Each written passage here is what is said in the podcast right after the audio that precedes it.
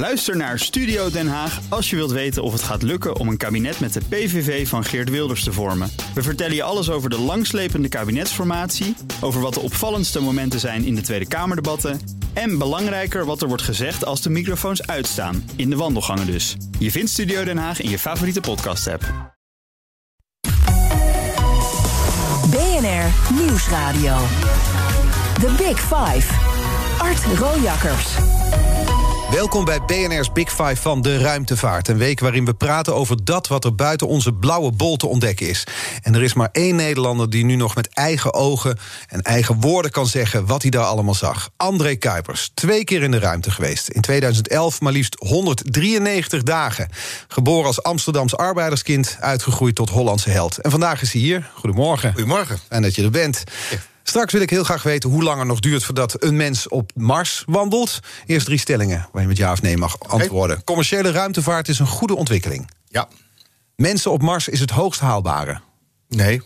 Het liefst zou ik morgen weer terug de ruimte in gaan. Ja. dat laatste verrast me eigenlijk niet. Laten we beginnen met een terugblik. Straks komt dan wel het heden en de toekomst, ook die van onze kwetsbare aarde. Maar ruim acht jaar geleden keerde je terug naar je tweede missie hier op aarde. Is er eigenlijk iets mis dat je aan in de ruimte zijn? Dat je dat er mist? Ja, ja, ja. Het, het, eh, verschillende dingen. Uh, natuurlijk het uitzicht. Dat is natuurlijk fenomenaal. Uh, het tweede is het, het, spelen met dingen die zweven. Dat is zo magisch. Als je van die bolle vloeistoffen voor je ziet zweven... die je dan uit de lucht kan gaan drinken. Dat is heel interessant. Het, het gewichtsloze voor je ogen. En zelfgewichtsloosheid. Ja, ik begreep dat als je gaat zwemmen... dat je dat nu weer opzoekt. Ja, ja, ik ga expres onder water hangen en niet bewegen, want dan voel je het water. Maar dat zweefgevoel, dat is heerlijk. In het begin niet. Het is, astronauten zijn vaak ruimteziek en misselijk, een soort zeeziekte. Maar daarna voel je als een vis in het water. Zo lekker om, om te zweven en met één duwtje van je vinger naar de andere kant. Ik vond het heel relaxed. Dat zou ik elke dag wel willen doen. Want toen ik terugkwam, voelde ik het juist omgekeerd. Van, oh nee, nu zit ik de rest van mijn leven vastgeplakt aan deze planeet. Ja, eigenlijk vastgebonden bijna lijkt Ja, zo voelt het wel. Als een soort magneet die aan je trekt. Is het is het een gevoel van vrijheid, dat zweven? Of hoe moet ik ja. me dat voorstellen? Ja, absoluut. Ik vond het heerlijk. Uh, bijvoorbeeld uh, s'nachts, als, als iedereen sliep in het ruimtestation... Hè, we werden gewoon met zeg maar de greenest mean time aan boord. Dus we gaan tegelijk allemaal naar bed. En dan zweefde ik wel eens uit mijn slaapcabine. Het is redelijk donker allemaal. We hebben een paar ledlampjes aan. En dan zweef je zo helemaal los door die, door die, tussen die apparatuur door naar de uitkijkkoepel. En dat voelt zo, ja, heel vrij gevoel. Ja. En daar ging dan de koptelefoon met Pink Floyd onder andere op. Onder andere, absoluut, ja. Onder andere. Dan, uh, ik noem het maar event-enhancing uh, muziek. Ja. Uh, alsof je ineens weer in je eigen science fiction droom zit. En, en, muziek speelt daar een hele belangrijke rol bij. Maar sterker nog, ik begreep dat je zelfs ruimtevaart documentaires keek terwijl je ja. in de ruimte was. Ja, klopt. Want je moet je voorstellen, zoals met een heleboel beroepen, op een gegeven moment is het gewoon werk. He, het, uh, mensen denken, oh, chirurg, weet je, prachtige piepjes en spannend. En, uh, en anesthesiologen en allemaal leuk. maar het is gewoon werk. Je bent gewoon druk bezig. En op een gegeven moment word je ook moe enzovoort. En dat is in de ruimte ook. Je bent gewoon met je werk bezig. En af en toe heb je helemaal niet meer door hoe bijzonder het is. Je wil je taak goed doen. Je, bent, je wil geen fouten maken. En dan, en dan kan je het weer oproepen. Op een rustig moment naar buiten kijken. En ineens beseffen dat je in de ruimte bent. En muziek helpt daar ontzettend bij. Maar ook documentaires dus. dus ik ging die, die jongensdroom waarmee het begonnen was... die ging ik weer oproepen met uh, science fiction films en documentaires. Zoals Cosmos van Carl Sagan. Heel belangrijk voor me geweest. En... En dan, en dan zag ik dan ook beelden van documentaires van astronauten in de ruimte. En ik, oh wauw, te gek. En ineens realiseerde ik me, oh, maar dat doe ik nu. En dus door die beelden en die muziek riep ik ineens de droom op waar ik zelf weer in zat. Ja. Ja, ja, want het was dik een half jaar was uh, het Space Station, ISS was, was je thuis. Uh, gemiddelde dag was 14 uur werken volgens mij. Ja, beetje. denk ik wel. Ja. Ja, je bent uh, vanaf dat je wakker wordt. Soms doe je het eerst. Zodra je wakker wordt, doe je al een eerste psychologisch testje op een computer bijvoorbeeld. En je bent nog, nadat het officiële werk is afgesloten, begin je al de dag voor te bereiden. Je gereedschappen zoeken, procedures misschien een beetje doornemen als het ingewikkeld is. dus ja, ik denk dat je totaal wel zoiets bezig bent. Ja, dan werd er nog wat gesport. En ik begreep dat jullie op nou, zondag gesport. Anderhalf uur per dag. dag. Ja, twee uur per anderhalf, dag. twee uur per dag. Ja. ja. Dat is geen gewicht even. Uh, wel, alleen zonder gewicht. uh, dat sporten dat is om fit te blijven. Want het is net alsof je een half uur in je bed gaat liggen. Mm -hmm. Dus je krijgt spierverlies, botontkalking. Uh, dat is oké okay in de ruimte, zeg maar. Behalve als je nierstenen aanleggen. Maar, uh, maar je wil ook nog een keer terug. Dus we moeten gewoon fit te blijven, je hartspieren conditie te houden, moeten sporten. Uh, en uh, dat gewichtheffen zit daarbij. En waarom? krachttraining, laat ik het zo zeggen. om kracht op de botten te zetten. Hoe botten... doe je gewichtheffen in de ruimte? Ja, nou dat is dus niet mogelijk. In, want er is geen gewicht, alles zweeft. Dus je kan wel een halter, ja, dat kan je met één pink ook weg, ja. wegduwen. dus dan doen we dat met een omgekeerde fietspomp als het ware. Een omgekeerde Ja, je, je zuigt. Hè, we hebben grote cilinders. En daar, je, je zuigt tegen de luchtdruk in. Uh, onderdruk in die cilinders. En zo wek je die kracht op. En dat zijn de gewone krachten die je ook in een sportschool kan krijgen. En zo hou je dus de, de druk op de botten. Zodat de botontkalking niet uh, te, te, te, gek wordt. En ik las ook, jullie waren op zondagavond al te vrij. Maar toen vroeg ik me af, wanneer, is het eigenlijk zondagavond in de ruimte? Ja, nou, we werken... Uh, ja, we gaan, nou ja, even... als je de dag gaat bekijken zoals wij dat kennen, licht en donker enzovoort, uh, dan, dan, zo kan het niet in de ruimte. Want het is uh, eh, 16 keer per dag gaat de zon op, 16 keer per dag gaat de zon onder. Uh, je gaat met 28, 16 keer per dag? Ja, 28.000 km per uur vlieg je om de aarde. Nou, de helft, iets minder dan de helft zit je in het donker. En dan het licht, donker licht. Dus daar kan je niet op werken. Nou, is het internationaal station. Dus kijk, de mensen op de grond die willen ook liever niet s'nachts werken. Maar in Japan heb je totaal andere tijden dan in Amerika. Nou, toen is er gezegd: oké, we nemen, we hebben al een vaste tijd in de wereld. En dat is Greenwich Mean Time. Mm En de luchtvaart uh, UTC. Zodat iedereen dezelfde tijd aanhoudt. Elk vliegtuig heeft die tijd. En in de ruimte hebben we ook, hebben we ook gezegd: oké, okay, Greenwich Mean Time, dat is onze tijd. Dus onze tijd is een rode stippellijn die over een, een computerscherm loopt. Met, alle, uh, met allemaal vakjes wat je gaat doen die dag. En dat is onze klok. Dus daar werk je, daar werk je mee. Met en dan hou je dus toch aan een 24 uur planning? Ja, 24 uur planning. En, en ook een weekplanning. dus zondag uh, is vrij. En zaterdag is schoonmaakdag. En zondag hebben we. Je kan natuurlijk niet 24-7 werken. Nee. Uh, en uh, het wordt vaak wel ingevuld met, uh, met Saturday Science of zo. Hè. Dus dan kun je extra proefjes doen mm -hmm. voor scholen. Of, er is een routine en een ritme. Ja, er is zeker een ritme. Ja, ja, ja dat heb je ook nodig, sowieso. Ja. De mensen die nu in de isolatie zitten, hetzelfde verhaal. Je moet gewoon wel een ritme aanhouden. Mm -hmm. Uh, en uh, dat is in de ruimte zeker zo, ja. Want je noemde het al, 28.000 km per uur om de aarde heen suizen. Samen met de kleine bemanning opgesloten zitten in een omhulsel van ja, kunststof, metaal. Zo'n 400 kilometer van aarde verwijderd. Voel je dan ooit eenzaam? Nooit. Ik heb me nooit eenzaam gevoeld. Je bent, uh, zou het soms wel willen. Want uh, dus je bent constant. Uh, ten eerste ben je daar met collega's, meestal zes, soms drie. Als er drie uitgewisseld worden, ben je eventjes met z'n drieën. maar je hoort ook continu mensen praten met Japan, met, met Rusland, met Amerika, met, met Duitsland. Uh, het is nooit dus stil. Je bent, je, kijk, de astronauten die zijn de handen en de ogen van de mensen op de grond. Uh, dus het is allemaal teamwork. De mensen beneden kunnen ook experimenten aan en uitzetten. Die kunnen allerlei data ontvangen. Ook waarschuwingssignalen die niet belangrijk genoeg zijn voor ons, maar die kunnen ze op de grond zien. Het is één team. En dus je hebt continu contact eigenlijk met de grond. Uh, Waardoor je ook verbonden voelt met ja, de aarde. Je kan ook, we hebben natuurlijk via de communicatiesatellieten kunnen we regelmatig naar huis bellen. Ik kan iedereen bellen. Uh, uh, niet op tijd, het is het 75% van de tijd of zo. en dan kan je gewoon je, je gezin. Ik, ik, sprak mijn vrouw meer toen ik in de ruimte was dan op de grond. Want drie jaar lang was ik voor Japan of in Amerika. Ja. de tijdverschillen waren groot. maar in de ruimte ja, bijna Nederlandse tijd. En dus er zondag videocontact met het, uh, met het thuisfront. Uh, dus ik heb me nooit eenzaam gevoeld. Nee, nee, uh, nee, tegendeel. Er waren momenten dat ik af en toe wel alleen wilde zijn. Soms wil je een experiment doen. Gewoon rustig. Jezelf je, je eigen gang gaan. En er waren altijd camera's opgezet. En bij de Japanners was het een keer... Die hadden toen drie camera's erop staan. En ik moest een, een plaat van een experimentenrek weghalen. En dat zat vast met 48 bouten of zo. Ik denk, nou, vier was genoeg geweest. Maar goed, ik had een bepaald gereedschap gevonden dat ik handig vond. Nou, dan word je opgeroepen door de grond van uh, Station Tsukuba voor, voor André.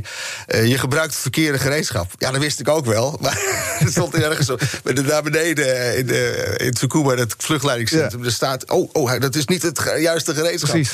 En dan voel je, ja, je voelt, voelt je soms op je vingers ge, gekeken. Ja. En, uh, en dat, de, de, privacy, dat is soms een beetje verzoeken. Het, het Big Brother gevoel wat je soms hebt. Dat zit daar wel duidelijk Ja, in. Je, er wordt en- voortdurend meegekeken. Ja, nou, het, het, het, interessantste voorbeeld ik zweefde op een gegeven moment door de Amerikaanse module naar mijn slaapcabine. En ik dacht, ik ga mijn neef eens even bellen. Uh, via de satelliet. Dus ik bel hem op. Hij zegt: Leuk, ik zag je net in beeld. Ik zeg, oh, welk tv-programma? Nee, zegt hij, live op internet. live op internet. Ook al. oh ja, nou, NASA die streamt soms zijn beelden van de camera's. En ineens besef je weer dat de hele wereld soms met je mee kan kijken. En dan, dan ga je weer denken, zit mijn hempel in mijn broek? En ineens ben je weer bewust. Zit er een gulpende astronautenpak die per ongeluk open kan staan, of niet? Dat zou kunnen. Het is wel het is gebeurd dat er iemand in een luier naar binnen zweefde. En denkt, ik ben beeld. Ja. En daarom zit er een vertraging in bij NASA. Uh, het is het 20 seconden of zo. Dat als er iets is wat ja, niet voor iedereen bestemd is. Dat we, dat we de stream even kunnen stoppen. Ja. The Big Five. Art Rojakkers. Deze week vijf kopstukken uit de wereld van de ruimtevaart. Eerder sprak ik met Jeroen Rotteveel van Easy Space... Maarten Schippers van Airbus. En later deze week komen sterrenkundigen Vincent Ikke... en Pieter Nel Leveld van de TU Delft langs. En vandaag de gast André Kuipers. En uh, we vroegen, stuur vooral vragen in. Dat kan dus nog steeds via 0613523903. 0613523903.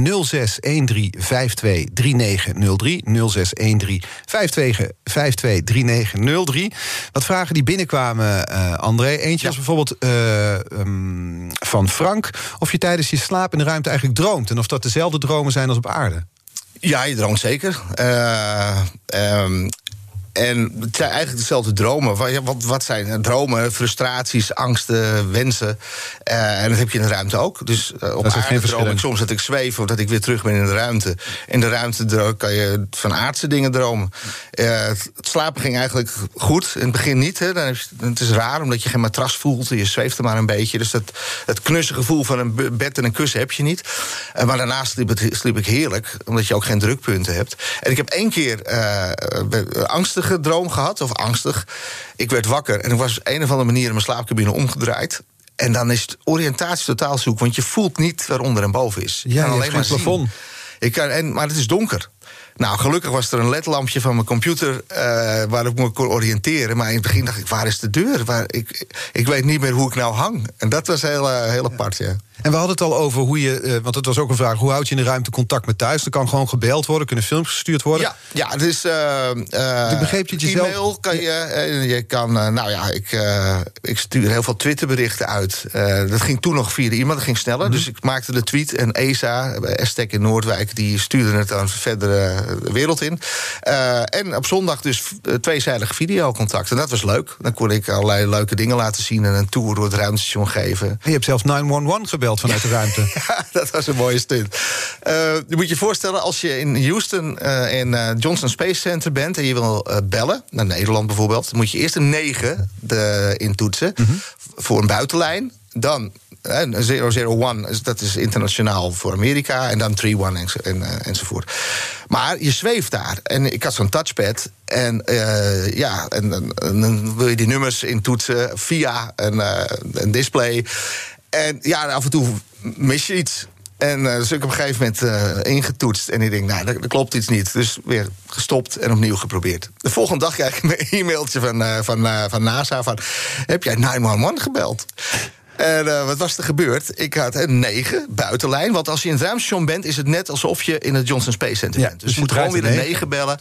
Enzovoort. En, uh, en 0, uh, 011 is het. En, uh, maar die zero die was ik vergeten. Dus het was 911 geworden. En wat er gebeurde, dat, dat signaal kwam inderdaad binnen bij 911 in Houston. Die traceerden het naar het Johnson Space Center. Die hebben daar de security gewaarschuwd. Er is iets, iemand is onwel geworden of wat dan ook. Die zijn inderdaad gaan zoeken. En die kwamen uit in een kamer waar blijkbaar die lijn binnenkwam. Ja, dus ik heb inderdaad 911. Ik was wel teleurgesteld dat ze niet kwamen. Over. Ja, dat snap ik, ja. Uh, nog een vraag van Henk. Uh, die wil graag weten hoe de ruimte er vanuit de ruimte in, uitziet. Hier vanaf de aarde heb je met vervuiling natuurlijk te maken. Lichtvervuiling. Ja. De ruimte vrijwel niet. Uh, ja, is, dat is het puur zwart? Waar we naar kijken? Nee, uh, zeker niet. Uh, overdag wel. Hè, uh, want de, de aarde, de, als de aarde verlicht is, is zoveel licht dat je pupillen natuurlijk vernauwen. Dan zie je eigenlijk de sterren niet. Dat is ook zo. Mensen zeggen ja, je ziet geen sterren op foto's van de maan of van de aarde. Nee, dat komt omdat er te veel licht is van, van die andere objecten. maar s'nachts zie je het wel. ontzettend veel sterren. Die flonkeren niet. Hè. Dat flonkeren komt door de atmosfeer. Dus je ziet de melkweg en dat soort dingen. En, dus dat is, is zeker niet leeg. we hebben een komeet gehad tijdens onze vlucht. Dus dan zag je, vlak voordat de zon opkwam boven Australië... kwam die komeet tevoorschijn. Uh, uh, dus het heelal is zeker, zeker uh, niet leeg. Nee, het is, het is natuurlijk vol. En dat voel je ook. Ik, ik had echt, een, ik noem het maar een kosmisch gevoel...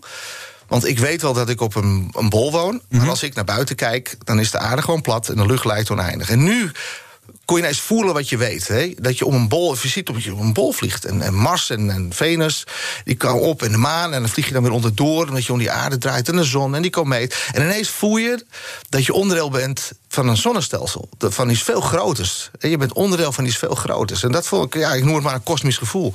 Het was, heel, dat was indrukwekkend.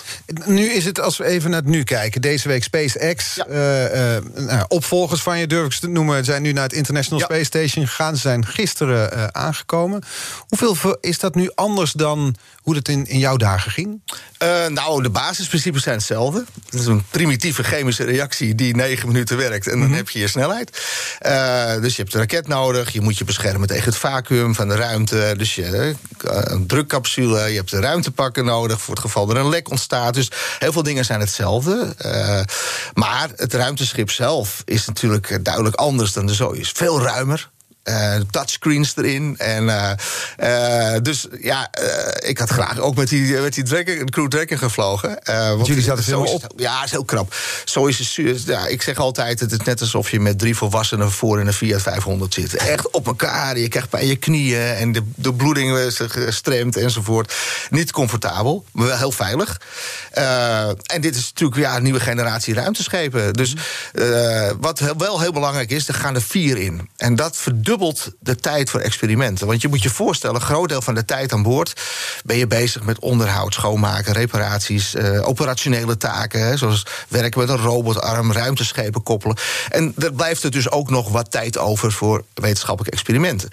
En als je een, een, een vierde, dus een extra, dus een zevende in dit geval aan boord van het ruimtestation, uh, brengt, heb je dus gewoon een, één persoon eigenlijk extra om puur wetenschappelijk onderzoek te doen. Dus het is enorm, het is enorm uh, ja, uh, ja, extra tijd die, die je krijgt. Ja. Het feit dat het nu via SpaceX van Elon Musk gaat, verandert dat de ruimtevaart? Het feit dat dat nu een commerciële partij is? Ja, ja, ik, ik heb zelf de eerste Dragon aangekoppeld van Elon Musk. En toen ik dat deed, He, dus het, onbemande vrachtschip. En die moest je toen nog pakken met een robotarm en aankoppelen. Dat is allemaal heel, heel leuk om te doen.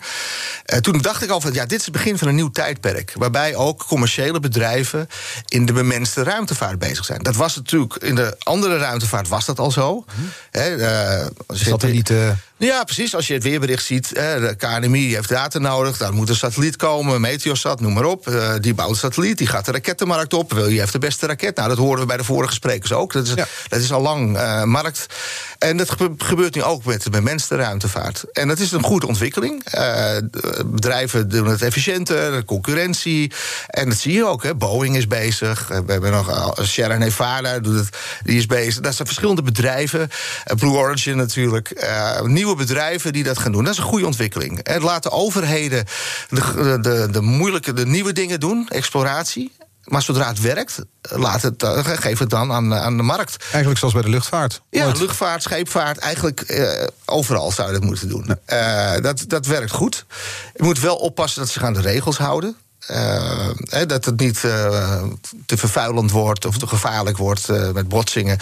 Dus de regels zijn natuurlijk heel belangrijk. Ehm, maar het is efficiënter op deze manier. En dat zullen we in de toekomst ook gaan zien. Ja. We gaan het er zo meer over hebben. Want vandaag de gast in BNR's Big Five van de ruimtevaart... astronaut André Kuipers.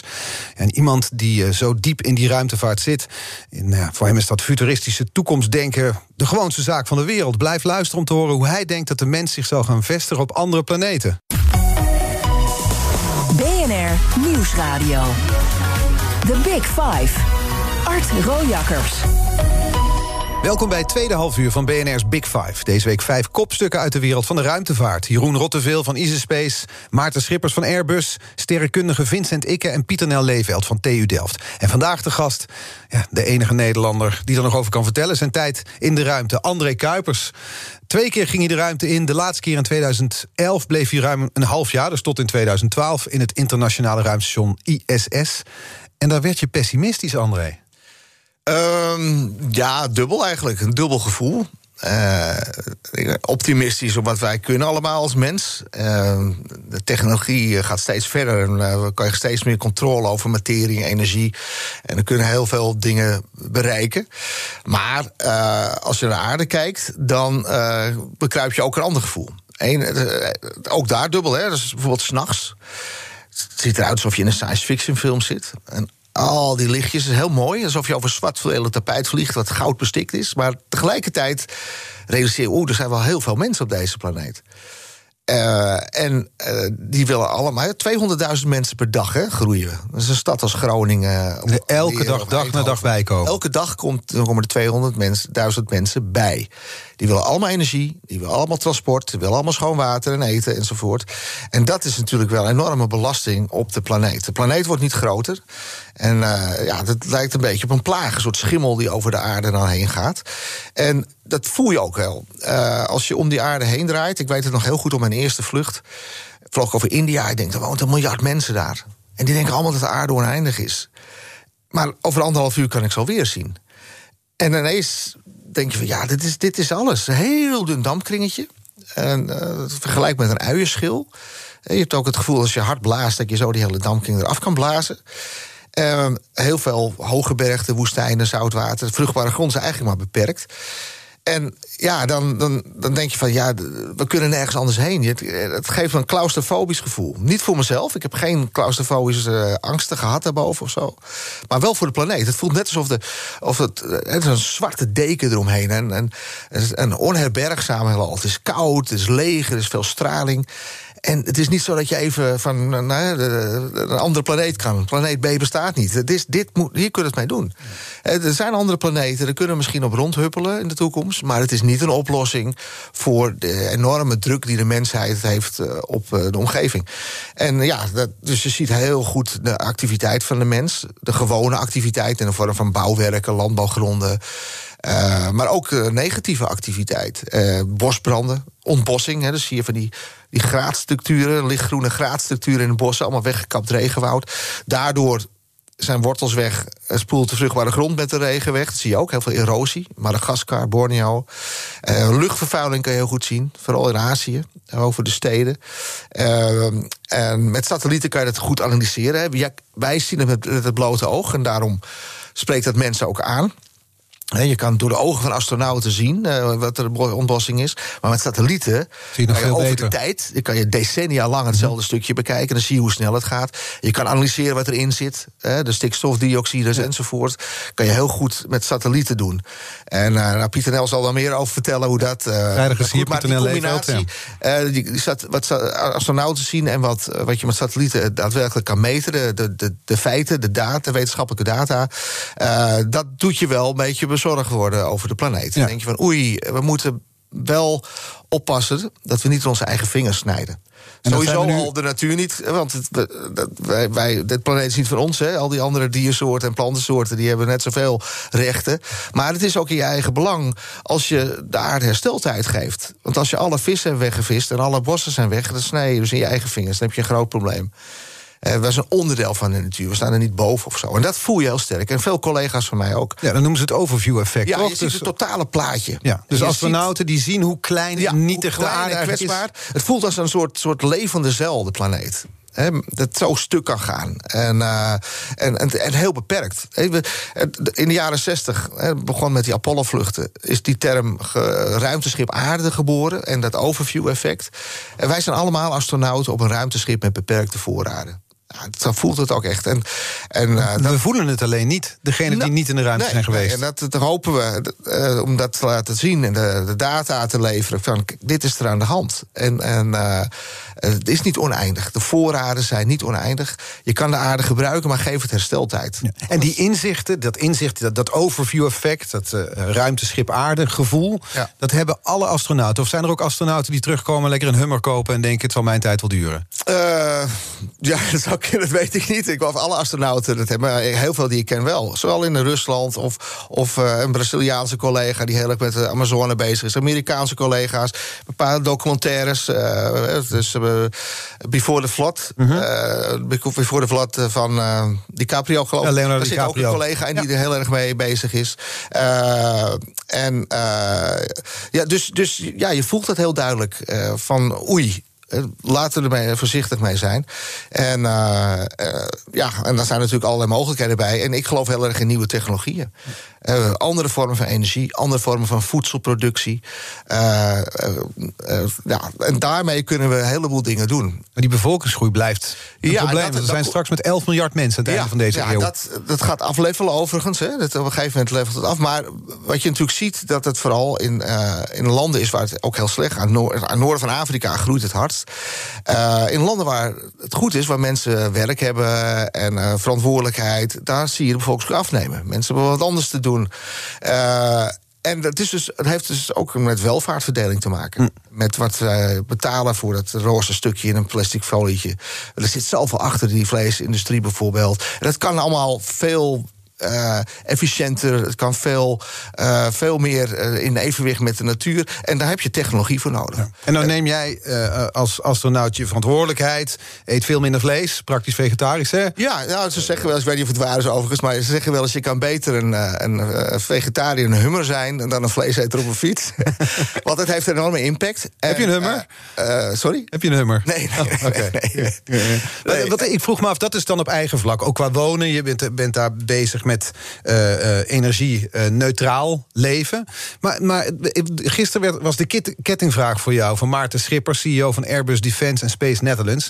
En die vraag sluit eigenlijk wel aan hierop. Luister maar even mee allereerst in de eerste plaats een held. Hè, een van de uitverkorenen die, uh, die de aarde op zo'n afstand heeft mogen bekijken. En ja, wat hij daar zag vanuit het observatorium is natuurlijk een prachtige beelden. Maar daarnaast ook ja, een kwetsbare aarde. En ja, wat, ik, wat ik aan hem zou willen vragen is... stel, André, je mag een dag in het torentje zitten in Den Haag... met een uitkijk over, over het land. Wat zou je dan doen? Een dag, maar misschien mag het ook wel wat langer. Maar stel, je zit er in het torentje, je hebt het even voor het zeggen. Ja, nou, als ik een dag, dan wordt het lastig. Want het wordt niet echt democratisch, hè? Als ik ineens... Alles. ik denk dat ik dan meteen uh, terug ga naar het parlement van... doen jullie het maar, daar zijn jullie voor. Uh, uh, dus ja, als je, als dingen zou kunnen veranderen... Hè, lange duur dan, hè? ik denk dat het heel belangrijk is... dat we erg inzetten op wetenschap en techniek. Op de fundamentele dingen, research en development. Wij zijn daar goed in, Nederland is een, high-tech land, maar dat moet je ook zien vast te houden.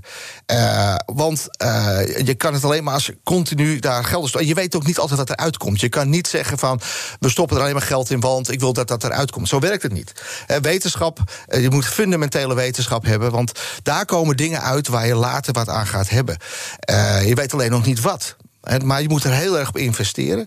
Ehm, en dat geldt natuurlijk ook voor de ruimtevaart. Wat, wat je in de ruimtevaart stopt, komt weer terug. Er komt terug in opdrachten voor, jou, uh, voor, jouw industrie.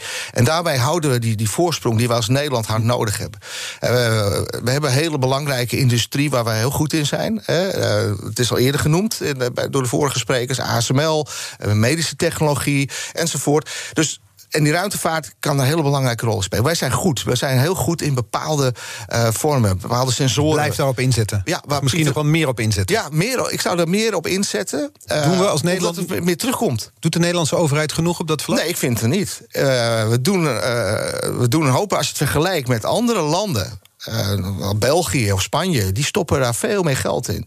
En ja, we hebben in de ruimtevaart. In de ruimtevaart hebben we het nu over. Hè. Uh, uh, we hebben zoiets als geographical return. Hè. Wat je erin stopt, krijg je weer terug in mm -hmm. opdrachten voor jouw industrie. En de Nederlandse high-tech industrie, die profiteert daar dus van. en niet alleen dat. Hè. We, je moet je ook voorstellen, wij hebben Estec in Noordwijk. Als André Kuipers dat zegt, dan luisteren ze toch in Den Haag? Kijk, ik, ik zie dat dit aspect. Uh, ik ga niet over de budgetten, want ik begrijp dat er ook andere dingen moeten gebeuren. Maar wat ik. Maar een dringend advies zou zijn. Ja, ik wat belangrijk vind, je moet investeren in de, in de toekomst. En dat doe je door te investeren in, in wetenschappelijk onderzoek, in nieuwe technologieën.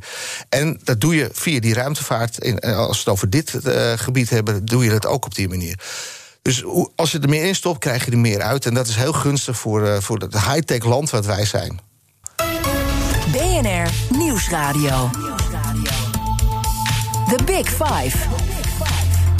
Art Rojakkers. Laten we eens naar de nabije toekomst proberen te kijken. Want er loopt een, een race naar de maan. De Amerikanen willen het weer. China wil ook mensen op de maan zetten. Volgens mij is India ook bezig, toch? Europa ook, want die Ja. doet er mee. Ja. Precies. Wa- Waarom zouden we eigenlijk weer naar de maan moeten? Ehm, verschillende redenen. Eh, we waren natuurlijk in de jaren 70 vooral voor prestige. Eh, en pas bij de laatste vlucht, Apollo 17, is er een wetenschapper meegegaan. De wetenschap kwam eigenlijk een beetje er- erbij. Eh, Apollo 18, 19 en 20 zijn gecanceld, want het geld moest ergens anders heen. Maar we weten eigenlijk nog maar heel weinig over die maan. Dus een van de redenen eh, om erheen te gaan is verder wetenschappelijk onderzoek. We willen naar de poolgebieden, omdat daar ijs gevonden is. In, in kraters die continu in het donker zitten, bijvoorbeeld. Eh, dus verder wetenschappelijk onderzoek, oorsprong van de maan enzovoort. Dan kan je de maan heel goed gebruiken als een, eh, als een testbed. Als je verder de ruimte in wil straks, dan gaan we naar de Mars... eh, kan je het heel goed allerlei dingen uittesten. Eh, hoe ga je dat doen in het leven in de ruimte? Dat doen we nu al in het ruimtestation. Hè?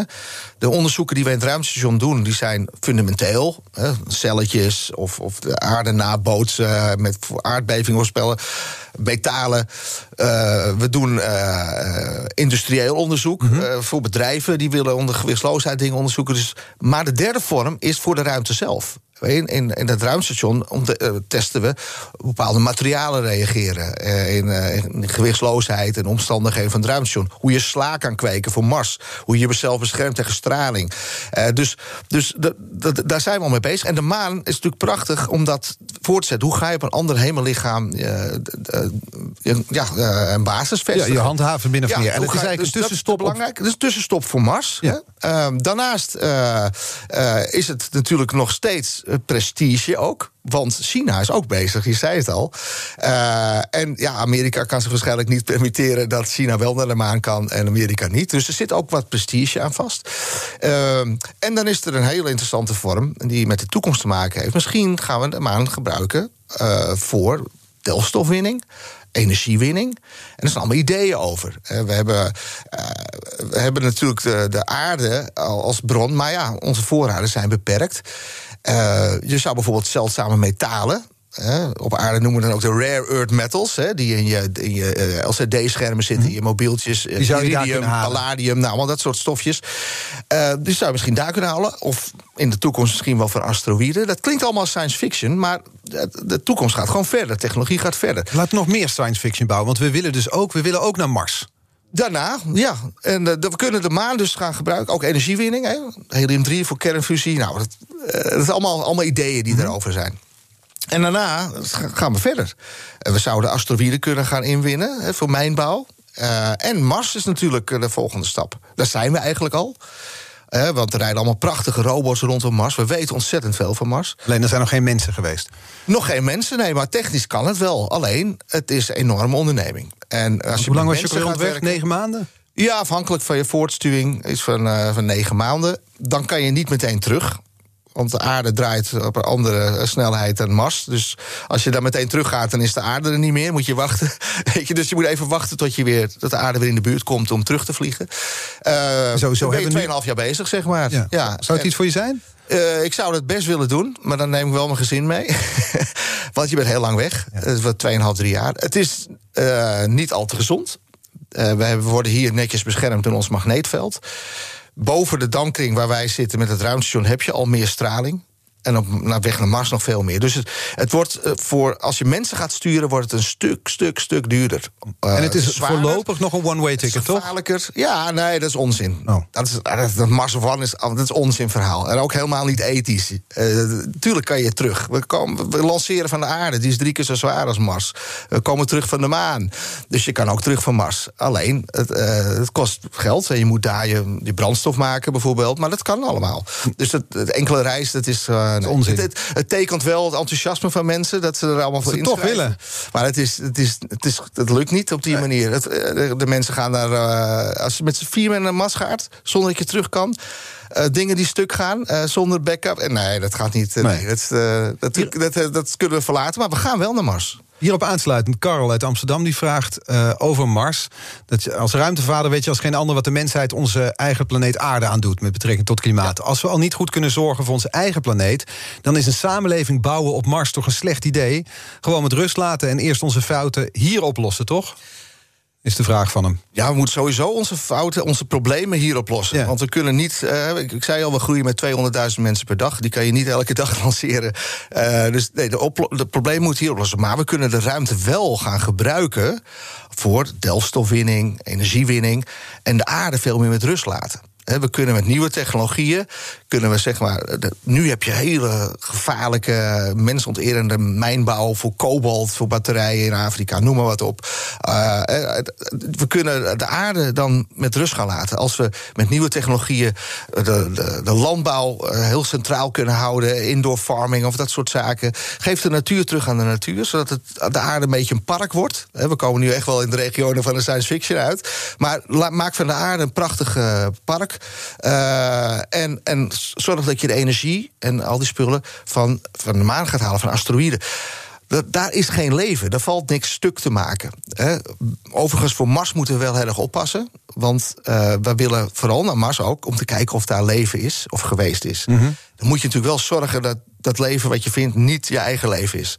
Dus je moet heel zuiver, uh, heel goed zorgen dat je geen uh, micro-organismen introduceert op, op Mars. Mars. En vervolgens uh, een paar jaar later denkt: hé, hey, we hebben leven gevonden, maar het is dan wat je zelf geïntroduceerd hebt. Ja.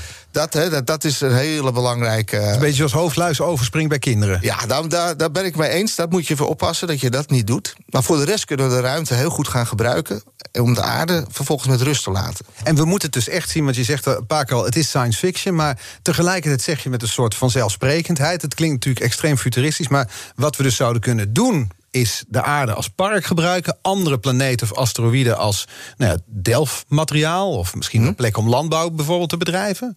Nou, landbouw wordt een beetje, beetje lastig. Gek, maar dan heb je het over terraforming. Hè. We, ja. we, we, zijn nu ondertussen wel. Nu zijn we honderden jaren, jaar in de toekomst. Uh, kijk, dat koloniseren, laat ja. ik het zo dan noemen. Dat koloniseren van andere planeten of verder de ruimte intrekken. Gaat dat deze eeuw nog gebeuren? Uh, Mars wel, zeker dat gaat gebeuren. De maan is al gebeurd en dan gaan we weer terug. Uh, het gaat heel langzaam, maar dat waren de, de ontdekkingsreizen van vroeger. Dat gaat ook tientallen jaren tussen voordat er weer een nieuw schip ging. Uh, maar dat zie je niet meer in de geschiedenis. In de geschiedenis Zo moet je het eigenlijk zien. Ja, in de geschiedenis uh, kijken, we het, uh, kijken ze terug en dan zie je Sputnik, Gagarin, Armstrong en Mars. Dat is ruimtestation wordt overgeslagen, want het is heel gewoon geworden. dat zal de lijn zijn. Wordt André Kuipers een voetnoot in de geschiedenis? Absoluut, als het al een voetnoot wordt. Ik denk dat Wubbo de voetnoot wordt, want het is de eerste Nederlander dan, officieel. en de rest is allemaal gewoon. En er gaan steeds meer mensen de ruimte in. En je, je krijgt inderdaad in de, toekomst dat er echt een onderzoekstation komt. En mensen daar ook echt lange, lange tijd uh, zullen verblijven. Je moet je heel goed beschermen. We hebben het nu over Mars. Hè. Het is daar steenkoud tot min 140 in de winter. Er is geen zuurstof. Een minuscuul dampkringetje van kooldioxide. Uh, er is geen magnetisch veld, dus je hebt heel veel straling aan het oppervlak. Het is een hele onherbergzame plek. Maar we kunnen dat wel. Maar het, is niet, het klinkt niet zo'n midweekje Centerpark. Nee, het is geen oplossing voor de mensheid. Nee. En uh, kijk, in de hele, hele, hele verre toekomst... dan uh, kunnen we misschien met nieuwe technologieën... niet, die, niet die primitieve raketten die we nu hebben... maar andere dingen die waar we nog niet eens aan kunnen denken... zou je naar planeten waar andere sterren kunnen enzovoort. Maar dat, dat is echt heel. Ja. Maar zeg nooit nooit. Hè. De technologie gaat gewoon voort. En er komen nieuwe manieren om je snel te verplaatsen enzovoort. Dus Mars gaat een keer gebeuren. Deze eeuw. Uh, ongetwijfeld. Ik zeg altijd, over 25 jaar staan de mensen op Mars. Maar dat zei ik 25 jaar geleden ook. dus het blijft 25 jaar. Op een gegeven moment heb je gelijk. Maar het gaat gewoon het gaat een keer gebeuren. En, uh, en, en, en, en Nederland als Europa, als ESA zal daar een rol in spelen. We moeten nog de kettingvraag uh, behandelen. Morgen is hier te gast sterrenkundige Vincent Ikke. Uh, welke vraag zou je willen stellen? Uh, nou, ik, ik, noemde al even die exoplaneten. En ik hoorde van de vorige sprekers ook al... een van de belangrijkste vindingen uit de ruimte zal zijn of er nog buitenaards leven is. Want hè, we hebben, vroeger was de aarde plat, dachten ze, en we stonden in het midden, alles draaide om de aarde. Dat bleek niet zo te zijn. We bleken om de zon te draaien. Toen stond de zon niet in het midden. En zelfs de melkweg is niet uniek. Uh, en de volgende stap om ons nog meer te kleineren is elders in het leven is waarschijnlijk. Uh, elders in het land is waarschijnlijk ook leven. Alleen we hebben nog geen bewijs. En mijn vraag voor Vincent Ikke is dan, want hij gaat zich natuurlijk bemoeien met de hele interessante vorm ook van ruimtevaart, de ruimtetelescopen. Uh, welke telescoop hij verwacht uh, waarmee we bewijzen gaan vinden van leven op exoplaneten. Primitief leven, de aanwijzingen daarvoor. Of denkt hij dat het eerder de aardse telescopen zijn? Uh, we hebben enorme, de ILT, de extra, extremely large telescopes en zo. Dus welke telescoop verwacht hij dat doorbraak gaat geven voor het vinden van leven op exoplaneten? We gaan het er morgen vragen. Dank, André Kuipers. We hadden volgens mij nog drie uur door kunnen praten. Er was bijvoorbeeld een vraag binnengekomen of ook de moonwalk kan van Michael Jackson. maar goed, die moet je maar een andere keer beantwoorden. Dank voor de komst. Het was een uh, groot genoegen. Deze aflevering is terug te luisteren, net als alle afleveringen van BNR's Big Five. Podcast is te vinden in BNR-app en op bnr.nl. En nu hier Thomas van Groningen over rekeningrijden in Ask Me Anything. Tot morgen. Ook Diana Matroos vind je in de BNR-app. Ja, inderdaad. Je kunt live naar mij luisteren tijdens de Big Five. Ook handig in de BNR-app. Breaking nieuwsmeldingen, maar ook het allerlaatste zakelijke nieuws. En je vindt in de app alle BNR-podcasts, waaronder Wetenschap Vandaag. Download nu de gratis BNR-app en blijf scherp.